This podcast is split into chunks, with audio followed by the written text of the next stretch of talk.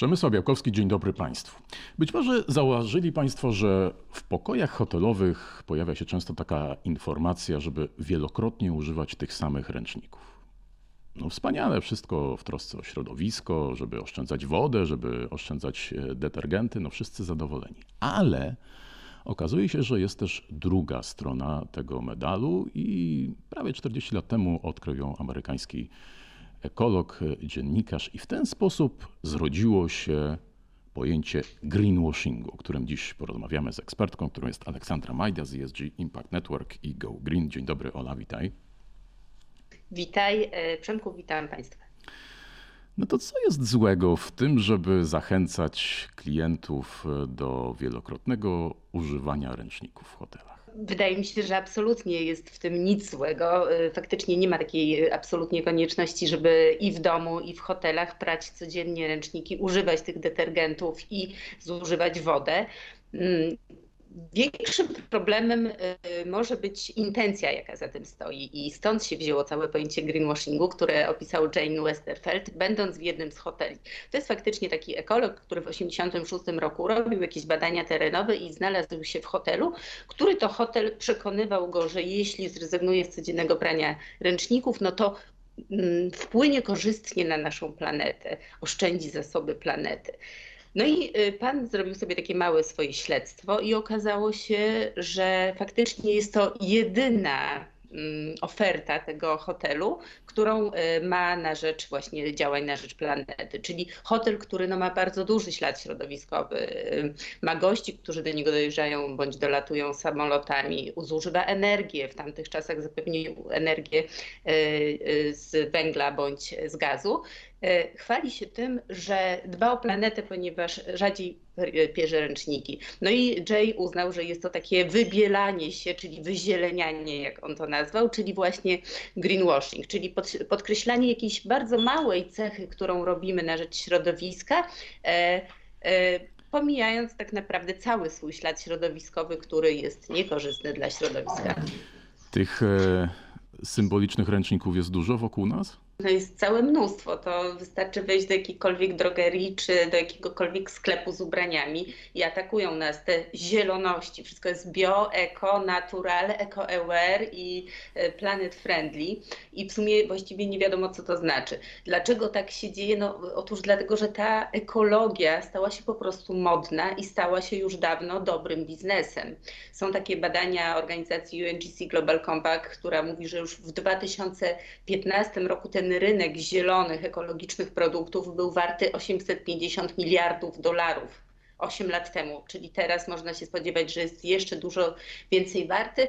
No i w związku z tym jest taka pokusa wśród e, firm, wśród marek, wśród producentów, żeby się pod tą zieloność e, po prostu podszywać. A z drugiej strony rośnie też świadomość konsumencka i faktycznie ludzie coraz częściej wybierają te produkty, chcą wybierać te produkty, które jakkolwiek mogą się przysłużyć naszej planecie i nawet do tego stopnia, że czasami dają się właśnie nabrać. Jest takie pojęcie pojęcie argumentum ad naturam, czyli taki błąd logiczny, który polega na myśleniu, że wszystko, co jest zgodne z naturą, że wszystko, co jest naturalne, jest dla nas dobre. No a wiadomo, że tak nie jest. Wiadomo, że w naturze też występują pierwiastki, nie wiem, cho chociażby cyjanek czy rtęć, które po prostu nie są do, dobre, więc takie założenie, że wszystko, co naturalne jest lepsze, też jest takim błędem logicznym. No to jak my, konsumenci, mamy teraz odróżnić e, te produkty, które są rzeczywiście e, ekologiczne, od tych, e, które w założeniu producentów takie są, a tak naprawdę te intencje są trochę inne, jak, jak zaczęliśmy. No, to jest bardzo trudne, e, bo to wymaga takiej po prostu, wiesz, nowej umiejętności, nowej wiedzy. Ja bym ją nazwała zieloną inteligencją. Zresztą nie jest to pojęcie, które wymyśliłam, tylko które już powoli tutaj się zaczyna E, u nas zadomawiać, czyli po prostu musimy poszerzać e, my jako konsumenci swoją wiedzę na temat e, no, ekologii, na temat środowiska. Musimy się nauczyć nowych pojęć, co to jest na przykład ślad węglowy, dlaczego my o tym mówimy, jak to się liczy, dlaczego to jest ważne. A z drugiej strony jest bardzo duża odpowiedzialność na firmach i na markach, żeby nas po prostu nie wprowadzały w błąd. I to tutaj akurat firmom i markom pomoże nowa ustawa, nowa dyrektywa europejska, nazywa się Green Claims. Ona wejdzie prawdopodobnie w przyszłym roku i ona po prostu zabroni używania tych nazw typu Green Eco Natural od tak sobie swobodnie. Jeśli jeśli firma, jeśli marka będzie chciała użyć takiego przekazu, to będzie musiała go bardzo mocno udowodnić, ale tak naprawdę prawdopodobnie znikną nam spółek te e, zielone green etykiety, bo po prostu będzie to ryzykowne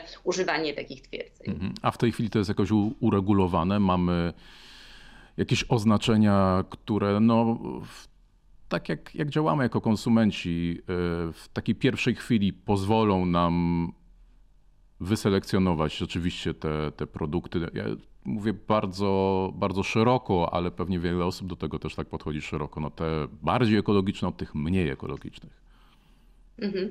Wiesz co, są w Unii Europejskiej jest obecnie kilkaset certyfikatów, tak? Po tym jak, jak wejdzie ta dyrektywa Green Claims, to ich po prostu będzie mniej, więc Ale będzie co to są za certyfikaty? Co to są za te certyfikaty, te, które obowiązują? Czy to jest tak, że każda marka sama robi sobie takie certyfikaty, tak? Z jednej strony jest cały rynek certyfikatów, czyli takich oznaczeń, y, które żeby otrzymać, firma musi przejść długą drogę, musi y, wpuścić do siebie audytorów, musi pokazać, że faktycznie na przykład jej uprawy są ekologiczne, że nie stosuje e, sztucznych nawozów, e, że, że robi to zgodnie z jakąś procedurą i wtedy po przejściu takiej długiej drogi otrzymuje certyfikat, który jest takim oficjalnym certyfikatem jakiejś instytucji. Na przykład jest taki certyfikat EcoCert. Jeśli go widzimy, unijny certyfikat, możemy od razu mieć pewność, że produkt przeszedł długą drogę i został zatwierdzony. Ale na co bym uważała? Uważałabym na certyfikaty własne marek, czyli y, po prostu jeśli sobie supermarket albo jakaś firma kosmetyczna nadaje własny y, certyfikat, no to tutaj już nie mamy wcale pewności, czy to po prostu nie przeszło przez dział marketingu tej firmy i nie zostało naklejone na opakowanie, a już na pewno bardzo jako y, osoba, która dokonuje jakichś wyborów przy półkach sklepowych, zwracałabym uwagę na te pojęcia ogólne bio, właśnie eko, natural. Jeśli A czy tego można jest... zakazać producentom? Tak, właśnie można. To będzie zakazane tą dyrektywą Green Claims, czyli o takich zielonych oświadczeniach, o której teraz mówimy, i tam naprawdę to są takie, oni to nazywają twierdzenia ogólne. Te twierdzenia ogólne właściwie będą zakazane, chyba że się je będzie potrafiło bardzo dobrze udowodnić. Natomiast już teraz w polskim prawie jest kilka takich przepisów, e, na które e, firmy muszą uważać. I to są wszystkie przepisy, to są trzy ustawy wokół e, ochrony konkurencji i konsumenta. Na pewno e, każdy z Państwa zna taki urząd UOKiK, Urząd Ochrony Konkurencji i Konsumenta i UOKiK już e, od powiedzmy roku czy dwóch lat się tak uaktywnił w tym zakresie. To znaczy patrzy sobie na komunikację firm i UOKiK może na podstawie tej, tych ustaw o ochronie konkurencji konsumenta nakładać spore kary na producentów. Teraz się mm, toczą y, osiem postępowań przed UOKikiem i to są postępowania dotyczące największych y, firm. Y, jedna to jest platforma do handlu internetowego, są firmy odzieżowe, są firmy kosmetyczne. Osiem takich postępowań sprawdzających UOKiK teraz prowadzi właśnie pod tym kątem, czy ci mm, producenci, czy te marki nie wprowadzały konsumentów w błąd, e, e, stosując te swoje ekologiczne klejmy, czy oświadczenia, czy te ekologiczne reklamy. Jeśli by UOKiK stwierdził, że tak się działo, no to tutaj kary dla firm, potencjalne kary są naprawdę bardzo wysokie, bo to jest do 10% obrotu. Więc tutaj można sobie wyobrazić, że przy dużej firmie no to są po prostu bardzo duże już kwoty. I tutaj jeden taki przykład mamy bardzo dużej kary, którą UOKiK nałożył w 2019 bądź 2020 roku na jednego z producentów samochodów, który mm, podawał nieprawdę na temat e, ilości spalin e, toksycznych substancji w swoich silnikach.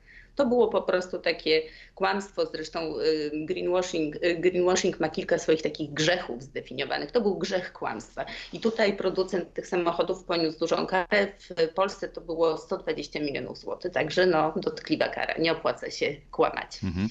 Przykład, który podałaś, no to rzeczywiście było kłamstwo. To był taki no, bardzo e, prosty przykład e, oszustwa, no tak można powiedzieć. Natomiast często zdarza się tak, że ta granica między intencjami, od czego zaczęliśmy mówić, e, a takim rzeczywistym działaniem, no jest, jest taka bardzo, powiedziałbym, trudno definiowalna. No i co, co, w takiej, co w takiej sytuacji? No jak zarzucić komuś, kto no wróćmy może do tych ręczników. No bo rzeczywiście to oszczędzanie wody czy detergentów no jest, jest ok, więc trudno Wydaje mi się, że trudno zarzucić e, takiej jednej czy drugiej sieci hotelowej, że ona miała akurat złe intencje. No i pewnie takich przykładów można mnożyć. Co wtedy? No jest to też zdefiniowane w tej literaturze greenwashingowej, łatwo się poruszać. Weźmy na przykład taki grzech mniejszego zła. To są takie działanie firmy, która, mm, która twierdzi, że dany jej produkt pozytywnie wyróżnia się na tle jakiejś danej kategorii, podczas gdy generalnie jest on szkodliwy. I tutaj takim przykładem, które mnie, który mnie bardzo zawsze oburza, są papierosy. W Polsce jest to może mniej widoczne, ale na przykład na rynku amerykańskim są, e, jest sporo takich linii papierosowych, które są opakowane w takie mm, ekologiczne y, pudełka. Na przykład y, opakowanie papierosów jest tak w kolorze tektury, jest takie mm, zgniło zielone, no tak kojarzy się tak super eko, prawda? Bo to są te wszystkie naturalne. Na opakowaniu masz informację, że tytoń pochodzi z ekologicznych upraw, że nawet ten atrament, którym wypisano, wypisano informację na opakowaniu jest też z ekologicznych źródeł, ustnik i tak dalej, i tak dalej, że przy produkcji tych papierosów się ogranicza ilość odpadów. To wszystko jest pokazane, ale to nie zmienia fakty, że te papierosy tak samo nastrują jak te, które, y, y, które są inaczej opakowane. I na to zwróciła uwagę już na przykład Światowa Organizacja Zdrowia, no bo to jest de facto po prostu bardzo groźne. By zrobiła badania, z których wynika, że ludzie faktycznie wierzą w to, że te ekologicznie opakowane papierosy mniej nas trują. No a one trują nas dokładnie tak samo. Z powodu, e, z powodu palenia papierosów umiera rocznie około 8 milionów ludzi na świecie i to jest bardzo po prostu e, groźny taki sposób greenwashingu. Ale są też na przykład takie komunikaty, które e, są nieprecyzyjne, tak? Czyli na przykład, nie wiem, jak producent pisze, że coś jest chemical free, wolne od chemii, co w dzisiejszym świecie faktycznie jest niemożliwe, albo że właśnie jest all natural, co też nie wiadomo co znaczy, bo, e, no bo e, takie też czysto all natural e, zazwyczaj jest trudne do osiągnięcia, poza tym wcale niekoniecznie jest dobre. Ale greenwashing ma też na przykład taki grzech, który się nazywa grzechem ukrytych działań. To znaczy prezentujemy tylko fragment życia jakiegoś produktu, podkreślamy jego dobre cechy, a przemilczamy resztę. I tutaj przykładem może być na przykład taki głośna e, reklama, nie będziemy wymieniać marek, ale jedna z e, takich osób e, znanych publicznie, celebrytek, wrzuciła na swoje social media jakiś czas temu reklamę wody w plastikowych butelkach. I tam było napisane, że, te plastiko, że ten plastik to wcale nie jest taki zły, dlatego że on na przykład jak się go transportuje, to te butelki są lżejsze niż butelki szklane, czyli powodują mniejszy ślad węglowy, a w ogóle to też przecież ulega recyklingowi i tak dalej, i tak dalej. No, wtedy rozpętało się takie małe greenwashingowe piekło, bo y, eksperci i internauci tak samo zaczęli y, bardzo szybko y, podkreślać właśnie to, że pokazano faktycznie tam nie było kłamstwa. Plastik jest lżejszy niż szkło ale przemilczano, że jest produkowany z ropy naftowej.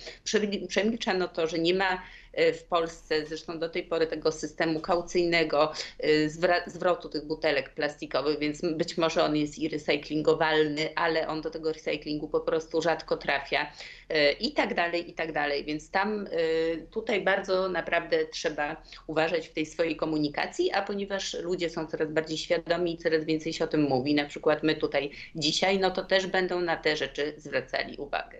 No, Podałaś bardzo ciekawy, dobitny taki przykład. Ja myślę, że to jest jeszcze jedna e, kwestia, że tak właściwie u, u, podstaw no kluczowe jest to, że czy to będzie plastik, czy to będzie e, szkło, no to w ogóle jaki, jaki sens ma picie wody pakowanej e, właśnie w, w, jakiś materiał, a nie picie kranówki, która jest naprawdę dobra, więc to, to jest niesamowite, ale rzeczywiście mm, tak sobie myślałem jeszcze, chyba fajnym przykładem jest to, o czym mówiłaś trochę wcześniej, że niektóre działania że firmy chwalą się czymś, co właściwie od dawna i tak działa, jest tak totalnie oczywiste, a może nie oczywiste dla konsumentów. I tutaj Freon może być takim przykładem, gdzie przecież dziura ozonowa to tam lata 90. czy końcówka 80. było głośno, jakby cały świat zakazał Freonu, a wciąż jeszcze można spotkać opakowania, które, na których producenci chwalą się, nie wiem, dezodorant czy tam gdzieś, że on jest wolny od Freonu. No, więc to, to, to też jest dosyć ciekawe.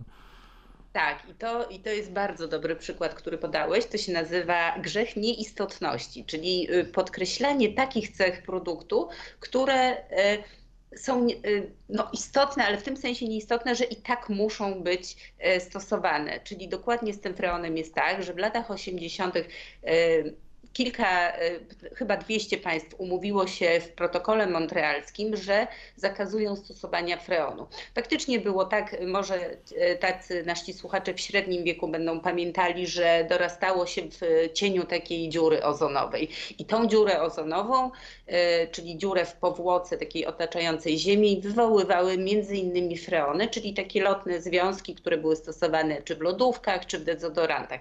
Mm, tutaj państwa postanowiły umówić się odgórnie, czyli nie apelować do każdego konsumenta osobno, y, nie używaj dezodorantu z fronem, tylko umówiły się odgórnie, że po prostu y, nie stosują te, tego związku chemicznego. Polska też się pod tym protokołem podpisała.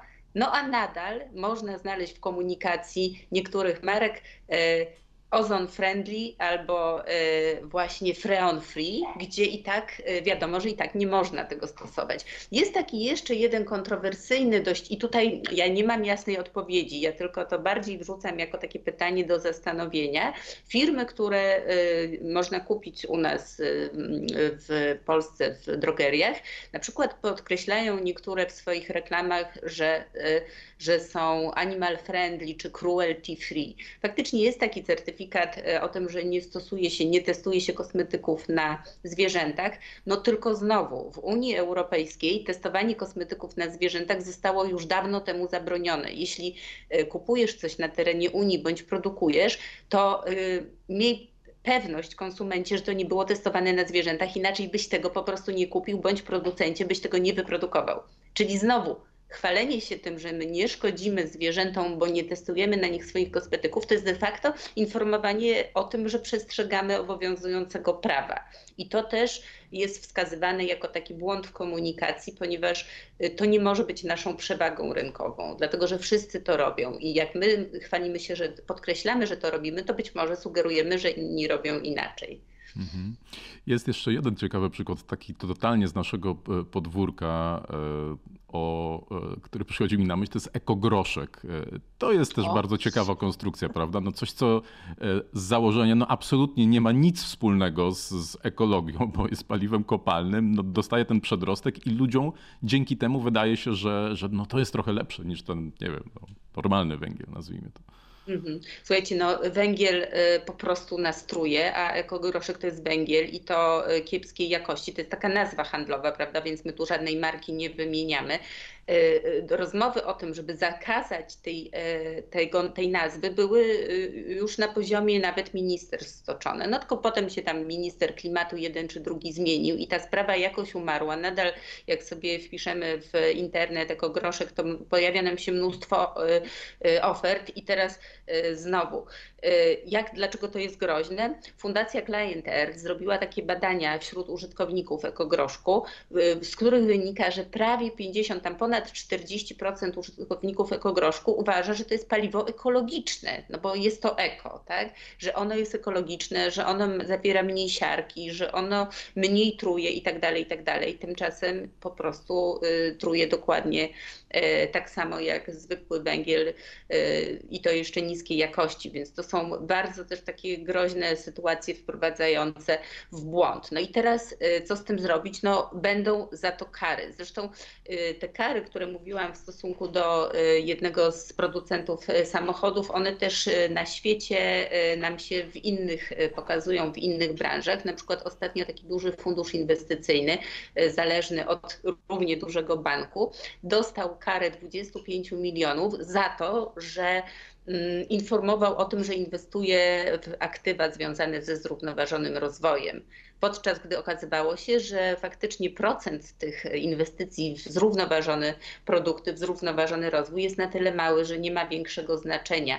I tutaj e, dlaczego jest to groźne? No wyobraź sobie, że nie wiem, inwestujesz swoje pieniądze na emeryturę w fundusz, który ci mówi, e, masz takie przekonania i chcesz zrobić coś dobrego do świata, dla świata i fundusz komunikuje ci, słuchaj, twoje pieniądze zostaną e, zainwestowane w zielone produkty, nie wiem, ekologiczną energię i tak dalej, i tak po czym okazuje się to nieprawdą, fundusz dostaje, wychodzi to na jaw, fundusz dostaje karę, upada i twoje pieniądze wyparowują.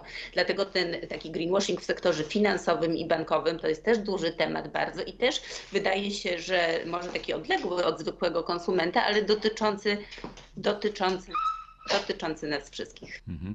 A teraz zastanawiam się jeszcze, jakie są zabiegi e, takie dosyć powszechne, stosowane właściwie we wszystkich sektorach, bo wcześniej gdzieś tam wspomniałaś o, o śladzie węglowym, e, o którym też coraz więcej się e, teraz mówi, o, o tym przechodzeniu na, na zieloną energię.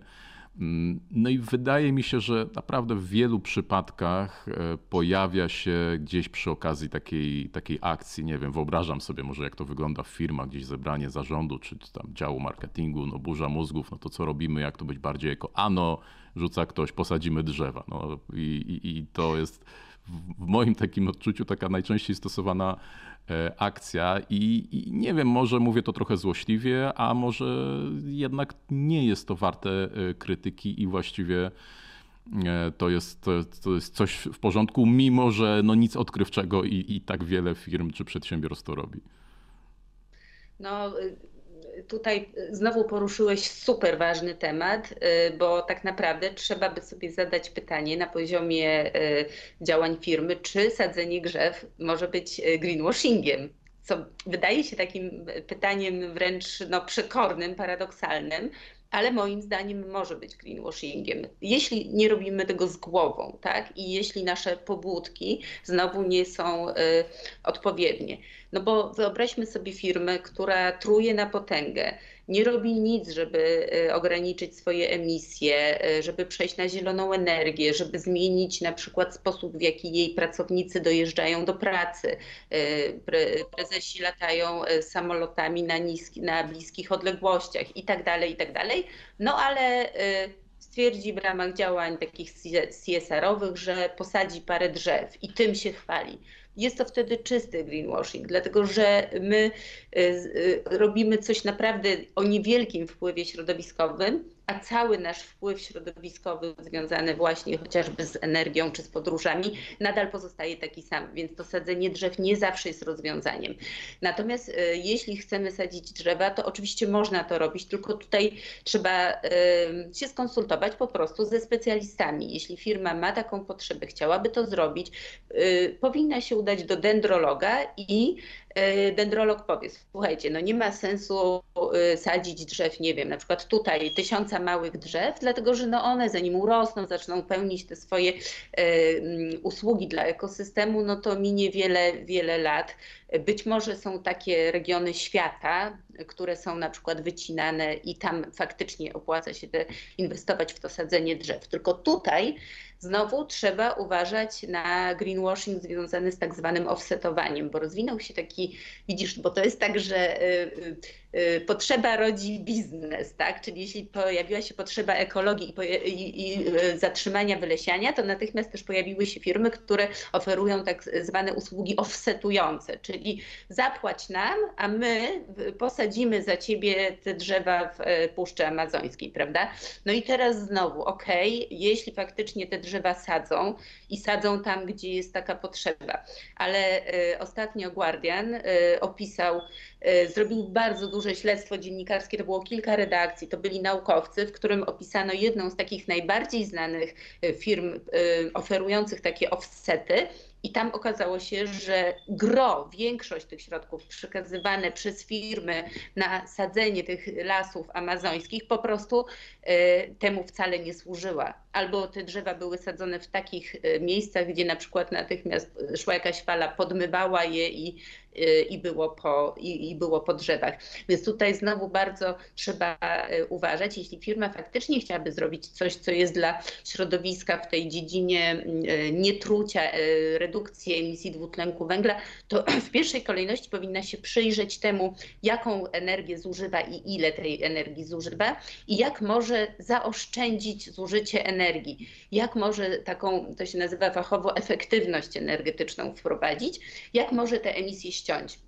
Dopiero potem w drugim kierunku zastanowić się, czy przejść na zieloną energię, no bo nie zawsze jest to proste, ale jest teraz już coraz prostsze i ta zielona energia jest coraz bardziej tania i dostępna, a dopiero na samym końcu, jeśli jeszcze nam tych emisji trochę zostanie, no to rozważmy ten offset, czyli tę rekompensatę e, innymi działaniami e, tego, że trujemy środowisko. No nie wiem, czy to działowi marketingu się e, podoba, tak samo jak uścisk prezesa z łopatą jeszcze kopiącego e, drzewo. No dobrze, ale zostawmy już, e, zostawmy już te drzewa. Ja tylko chcę powiedzieć, Przemku, przepraszam, że przerwę, bo jeśli chodzi o działy marketingu w firmach i w ogóle komunikacji, to ja zajmując się tym greenwashingiem i robiąc, prowadząc z niego szkolenia, zawsze robię to z prawnikiem, prawniczką, dlatego że to jest taka w ogóle będzie, i to już moim zdaniem w przyszłym roku, nowa rzeczywistość ludzi od komunikacji i marketingu w firmach, że naprawdę y, dopóki to nie wejdzie w nawyk, dopóki wszyscy się tego nie nauczą, po prostu trzeba będzie tą komunikację robić z prawnikiem, żeby się nie narazić na greenwashing, który będzie karany.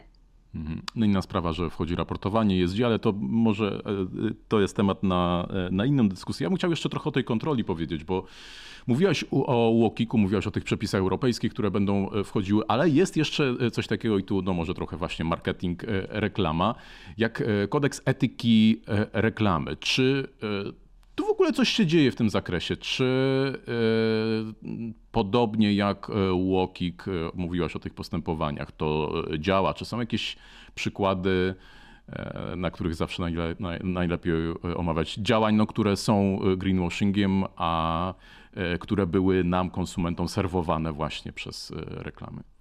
Istnieje takie ciało faktycznie jak e, Rada Reklamy. Rada Reklamy, która ma swój kodeks i swoje zapisy, no bo faktycznie to, co reklamujemy, co pokazujemy, e, co ludzie oglądają w telewizji, też musi podlegać pewnym zasadom. No i e, członkowie Rady Reklamy już jakiś czas temu zorientowali się, że coraz więcej jest tych zielonych reklam w telewizji, w związku z tym postanowili to uregulować. I w kodeksie, w zapisach weszło takie sformułowanie jak reklama środowiskowa. I oni tam bardzo jasno tłumaczą, co to jest reklama środowiskowa i jak ona powinna być y, komunikowana widzowi, żeby go nie wprowadzać w błąd, czyli że przede wszystkim musi być bardzo precyzyjna. Y, nie powinno się porównywać produktów, które są nieporównywalne, no tak jakbyś porównywał jabłka z gruszkami, prawda? Czyli jakoś porównujesz jakąś ekologiczną cechę produktu, to porównuj ją z inną taką samą ekologiczną cechą produktu. Nie powinno się używać E, takiego pseudonaukowego żargonu, który ludziom, takim przeciętnemu odbiorcy, e, przeciętnemu konsumentowi nic nie mówi, ale wprowadza takie właśnie poczucie, że coś jest oparte na nauce, prawda? Y, może być, oczywiście powinno być oparte na nauce, no ale to wtedy musi, musimy mieć na to dowody, certyfikaty i tak dalej.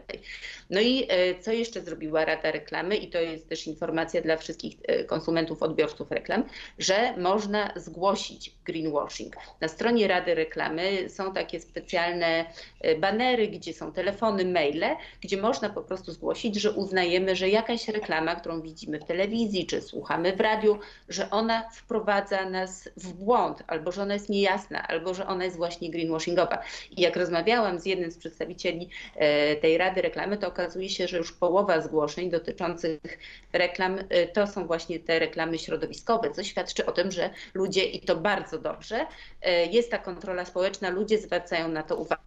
Ale ta kontrola społeczna, i to jest też taki tutaj do, do firm taki punkcik, że też bardzo mocno odbywa się w social mediach Na TikToku, na Instagramie jest cała masa bardzo fajnych, bardzo sprawdzonych profili ludzi, którzy się znają na ekologii, którzy to śledzą, e, bądź znają się na przykład na modzie, bo w, na rynku mody ten greenwashing też, e, też tutaj nam szaleje.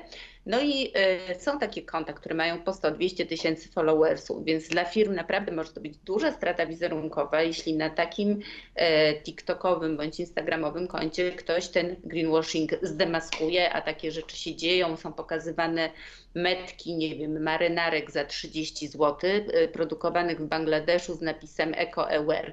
Jeśli coś jest produkowane w Bangladeszu za 30 zł, przybyło pół świata, żeby do nas dojechać, to możemy mieć pewność, że po pierwsze nie jest eco-aware, bo e, jest na pewno produkowany z syntetycznych włókien. Po drugie, w domyśle to trzeba by znowu posprawdzać, czy nie była tam wykorzystywana praca dzieci. Teraz jest bardzo głośno o tym, że dzieci w fabrykach e, mody, w fabrykach fashion w Bangladeszu czy w Indiach pracują i są na ten temat reportaże w internecie, w telewizji. Można to łatwo sobie odnaleźć.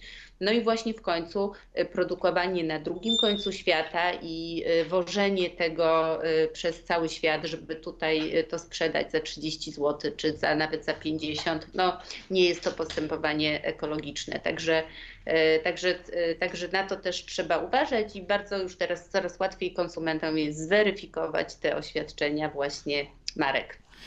Czyli firmy nie są takie bezkarne, a my jako konsumenci nie jesteśmy tacy bezbronni. Łoki krada ekrany, media społecznościowe i o tym wszystkim opowiadała Aleksandra Majda z ESG Impact Network Go Green. Ola, pięknie Ci dziękuję za rozmowę. Dziękuję również. Bardzo dziękuję. Państwu też dziękuję. Zapraszam, zachęcam do oglądania kolejnych odcinków wideokastów Zielonej Interii. Ja nazywam się Przemek Białkowski. Kłaniam się. Do widzenia. Do zobaczenia.